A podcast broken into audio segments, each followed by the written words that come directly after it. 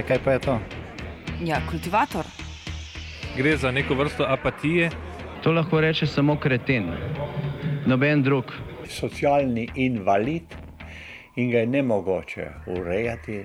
Drugi kandidat.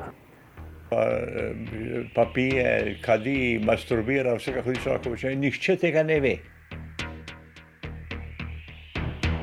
Vsak petek v off programu skultiviramo dogodek tedna. Lahko po kriterijih radio študent, težko pa po evropskih kriterijih. Ampak na drug način, kot vi to mislite. Kultivator vedno užge. Da pač nekdo sploh omenja probleme, ki so, in da pravzaprav sploh nekdo sproži dogajanje uh, v družbi. To drži, drži. Presenetljiv odziv na nepresenetljivo SDS.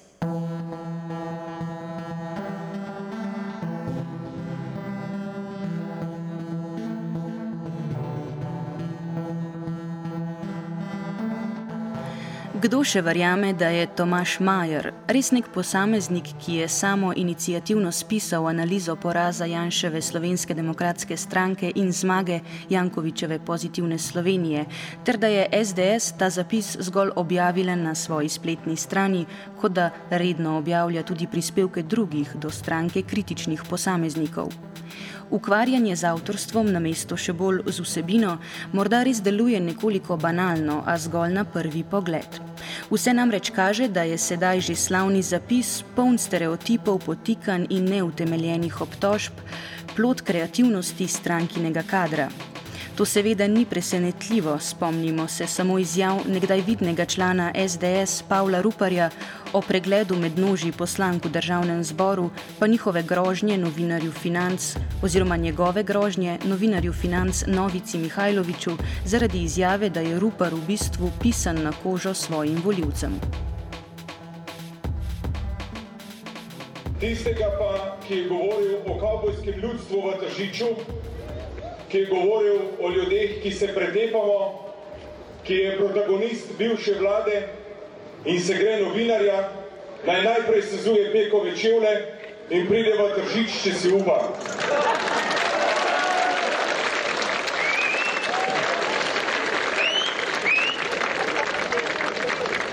In naj pred mano ponovi besede, ki jih izrekel in videl bo, kako moja pest užge po gobcu.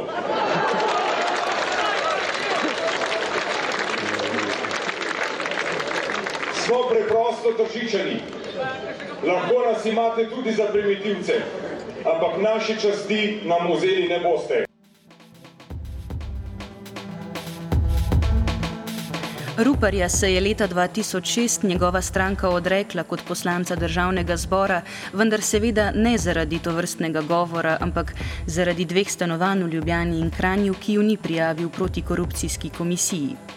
To ne pomeni, da je bizarno nizek in huiskaški diskurs domena zgolj Janševe stranke, je pa potrebno izpostaviti, da je SDS legitimna v očeh približno četrtine državljanov Republike Slovenije.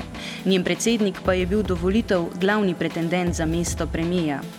To seveda postavlja zapis, v katerem se implicira neumnost in vodljivost ter skorumpiranost precejšnjega dela družbe zgolj na nacionalni osnovi v povsem drugačno luč. Odziv javnosti in medijev na domnevno Majerjevo besedilo je bil predvsej celo presenetljivo oster.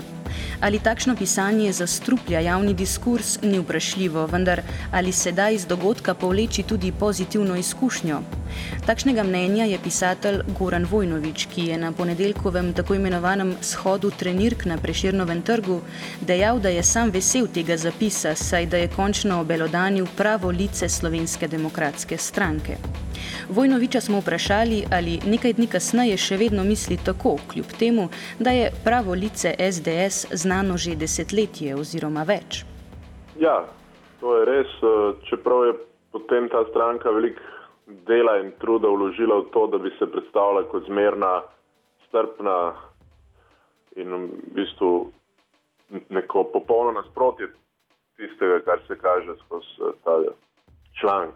Mislim, da tudi del njihove politike izrazito se nekako distanciral od prejšnjih zapisov in vrstne politike.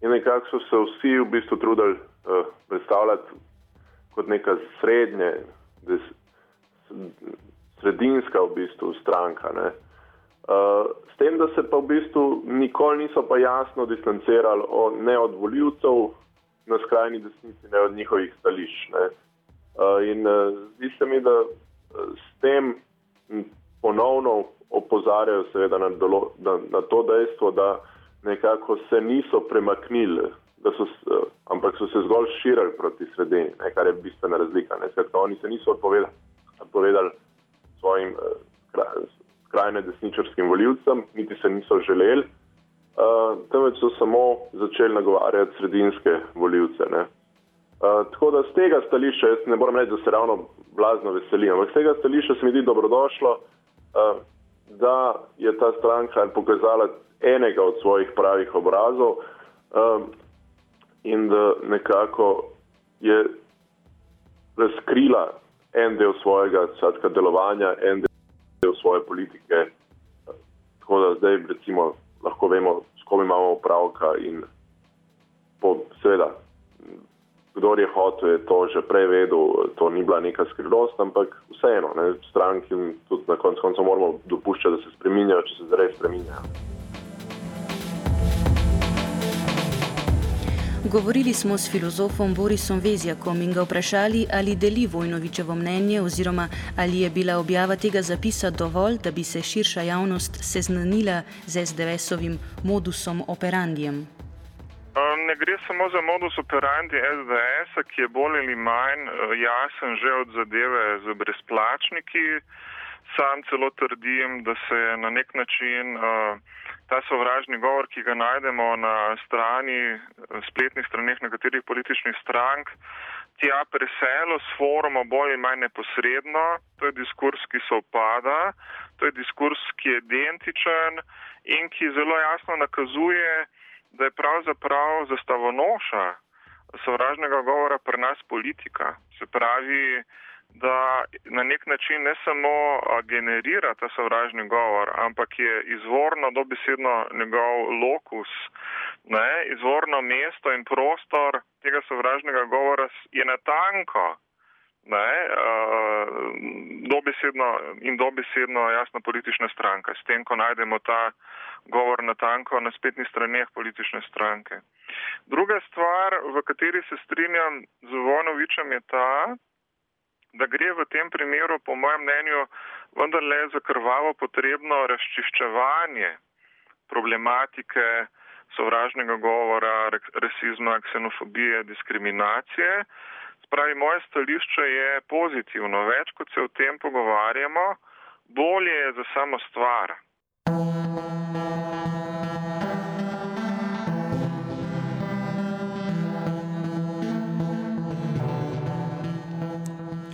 Kot smo že ugotovili, je bil odziv na objavo zapisa precejšen in oster.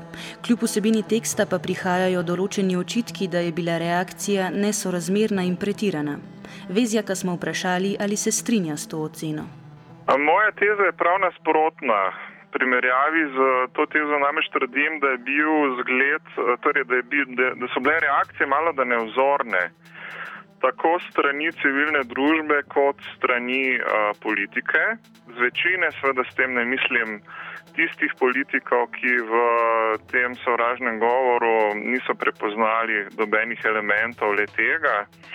Tako da se mi zdi, da imamo na delu neko retoriko, ki se želi bolj ukvarjati z reakcijami na zadevo Majer, kot pa z samo problematičnostjo zapisana na spletni strani SDS. Drugače rečeno, relativizira se zadeva Majer na način, da se poskuša predstaviti reakcije kot bodi si nedostojne ali celo kot političen pogrom uh, nad uh, stranko SDS, bodi si celo kot političen obračun z poražencem volitev, kar je bila denimo eksplicitna teza včerajšnjih pogledov Slovenije, ki so bili škandalozni v tem smislu, da je bila oddaja koncipirana kot obračun z reakcijami v zadevi Majer, kateri se je večina udeležencev celo strinjala, da so bile te reakcije neustrezne. Ne vemo pa katere. Meni se seveda zdi, da so bile te reakcije uh, zelo na mestu.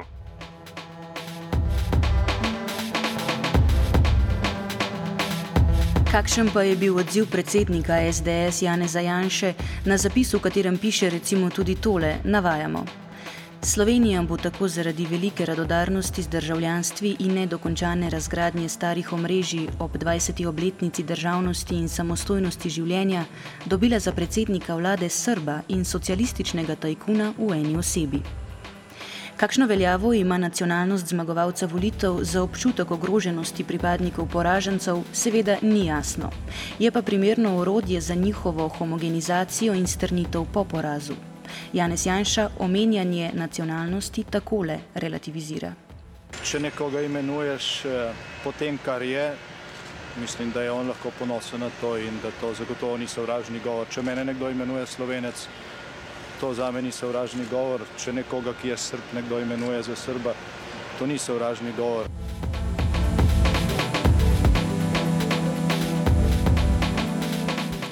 Takšen odziv je bil strani Janeza Janše pričakovan in dodatno dokazuje, da v stranki niso sposobni prepoznati splošne škodljivosti in nesprejemljivosti takšnega diskurza, ko prihaja z njihove strani.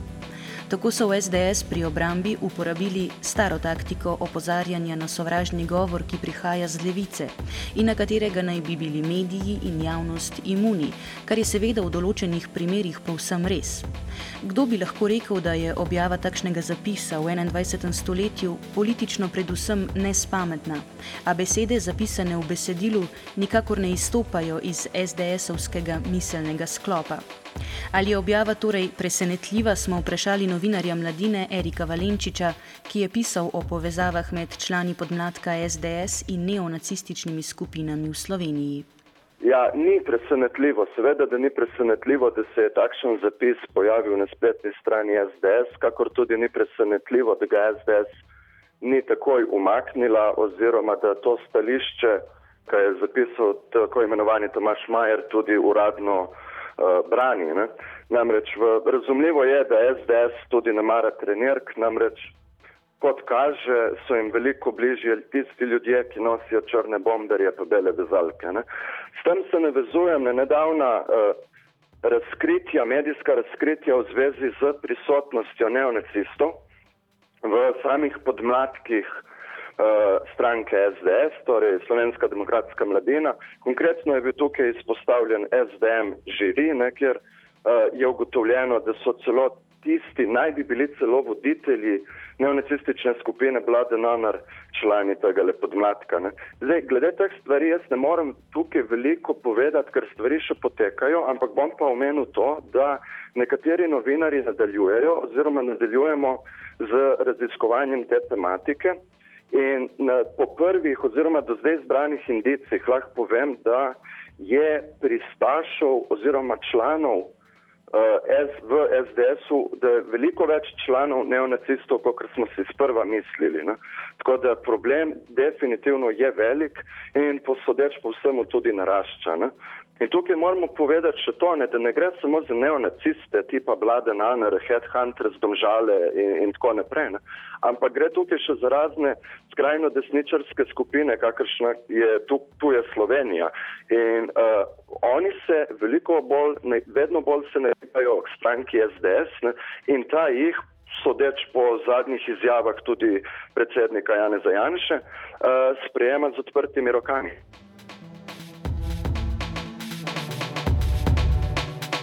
Je realno pričakovati, da bodo v SDS spoznali, kam njih in tudi širšo javnost pelje takšen diskurs in bodo kritično reflektirali lastno pozicijo ter se vsaj prilagodili, če ne že prostovoljno spremenili, govori Boris Vezjak. To je predvsem preveč optimistično, se bojim, da je to wishful thinking, kot se temu reče. Namreč prve reakcije na očitke o tem, da se na njihovi spletni strani dogaja huskaštvo, diskriminacija in sovražni govor, so bili, da so takoj objavili še tri nove zapise z pseudonimiziranimi avtori, kar pomeni, da, se, da te lekcije niso vzeli za res, kar pomeni, da se ne želijo učiti iz tega primera. Tako da pravzaprav zaenkrat nič ne kaže na to, da bi jim seveda ta razprava prišla do živega in da bi jim pravzaprav škodovala. Ne? Dokler jim resnično ne škoduje, a, se to ne bo zgodilo. Ampak škoduje jim pa ne, zato ker je očitno ta retorika, ne? propagandna retorika, ki smo jo videli kot odziv na njihov napad, bila seveda zakrita in zakamuflirana v tezo, da so oni žrtve da so oni žrtve določenega pogroma. To je bila eksplicitna teza SDS, mi smo žrtve pogroma proti nam. Tako da v bistvu ta manipulativnost ima tako široke dimenzije, da z njo bolj in manj skoraj vedno uspejo neutralizirati te škodljive učinke proti sebi. In dokler teh škodljivih učinkov ni in ti škodljivi učinki se lahko izrazijo samo na slabih rejtingih, seveda, seveda se mi zdi, da se ne bo nič spremenilo.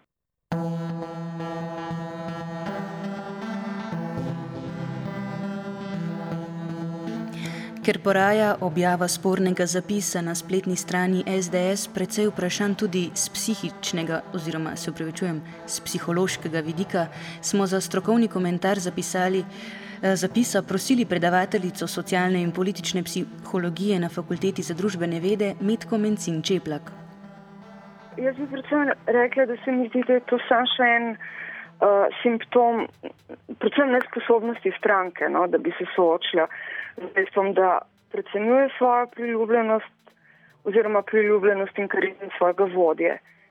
Uh, mi smo sicer uh, takih prozornih racionalizacij, um, pa njih že vajeni, ampak se mi zdi, da se je letos zgodilo nekaj bolj dramatičnega.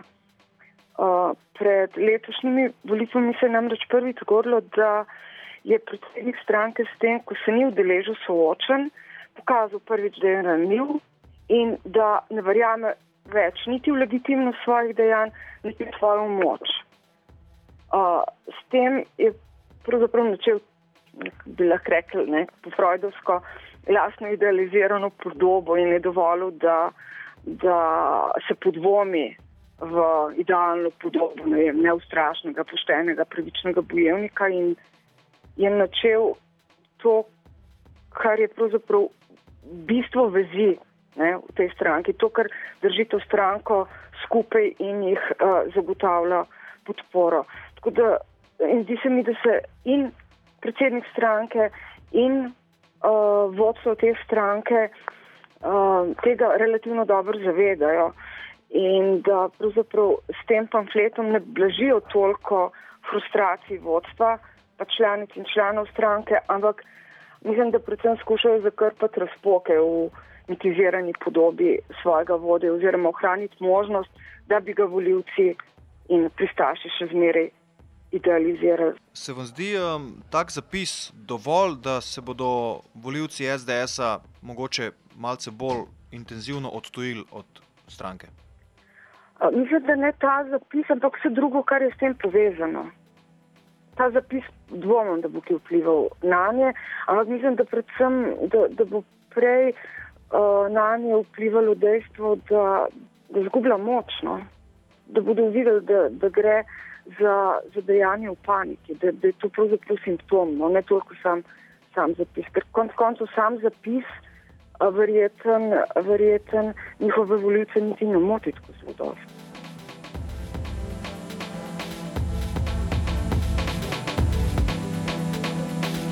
Če se, kot je dejal Vezjak, SDS ne bo spremenila, pa se je očitno vsaj malce spremenila slovenska družba. In sicer z vidika senzibilizacije glede vprašanja zlorabljanja etnične pripadnosti njenih članov. Da postaja slovenska družba bolj občutljiva, je izpostavil tudi Goran Vojnovič. Ja, mislim, da dejansko kaže na to. Ne.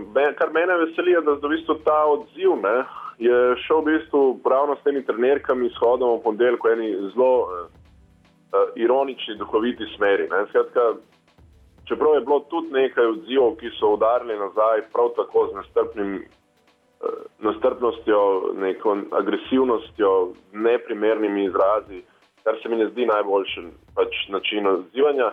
Uh, je pa v bistvu večina nekako odreagirala v bistvu duhovito, zato se mi je zdelo tudi vredno podpreti eh, to in zato sem se na koncu koncev tudi sam pojavil eh, na prešernem trgu, ravno zaradi tega, ker, ker se mi zdi to en prav odgovor na takšne stvari. Ne. Mislim, da, imamo, da mi smo postali občutljivi, da pa je problem, ne, da v bistvu vsi še vedno vidimo samo nasprotno stran. Zdaj, to se mi zdi še vedno ta problem, da nekako desni desni blok politični opozarja zgolj, ko gre za napade na njih in levi eh, zgolj, ko gre pač napade na, na lasne pač nekak uh, vrednote, recimo temu. Ne? Tako da tu smo še vedno nekako polarizirani, zelo mali ljudi, ki, uh, ki nekako odreagirajo v vseh primerih. Je pa res, da zdaj se mi zdi, da tokrat so odreagirali ena širša množica ljudi, skratka, da je bilo ta reakcija vseeno presegala te politične delitve. Ne. Je pa res, da recimo to pa nekako moramo dati eh, tudi tem strankam, ki so sicer zdaj en, en prekršek, en zločin opravičevali z drugim, kar se mi daleč tega zripo, ampak da ni bilo pa takih reakcij, ko se, vem, ko se je zgodil godnič. Ne. To, pa, to je tisto, kar se mi zdi pač kljub vsemu problematično, ne, da pač vse zapiramo, ne, vsak brani samo svoje. Da vsak brani svoje, nakazujejo tudi odzivi nekaterih ljudi, ki se preko medijev javljajo in prevzimajo odgovornost za SDS-ov zapis s podpisom Tomaža Majerja. Njihova plemenitost in udanost vodji se lahko brez težav primerja s pogumom antičnih sužnjev, ki so za svobodo krvaveli pod liderstvom Spartaka. Slaves you were and slaves you remain. But the terrible penalty of crucifixion has been set aside on the single condition that you identify the body or the living person of the slave called Spartacus.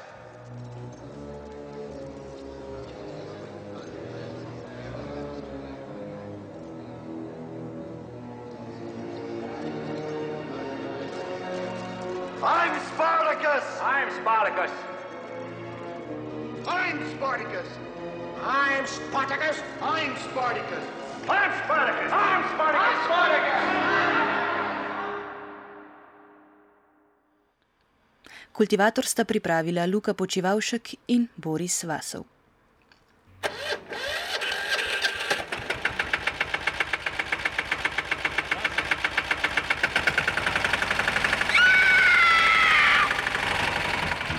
E, kaj pa je to?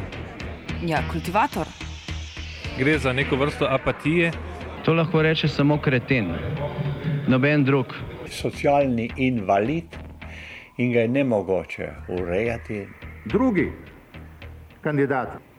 Pa, pa pije, kadi, masturbira, vse kako hoče lahko reči. Nihče tega ne ve.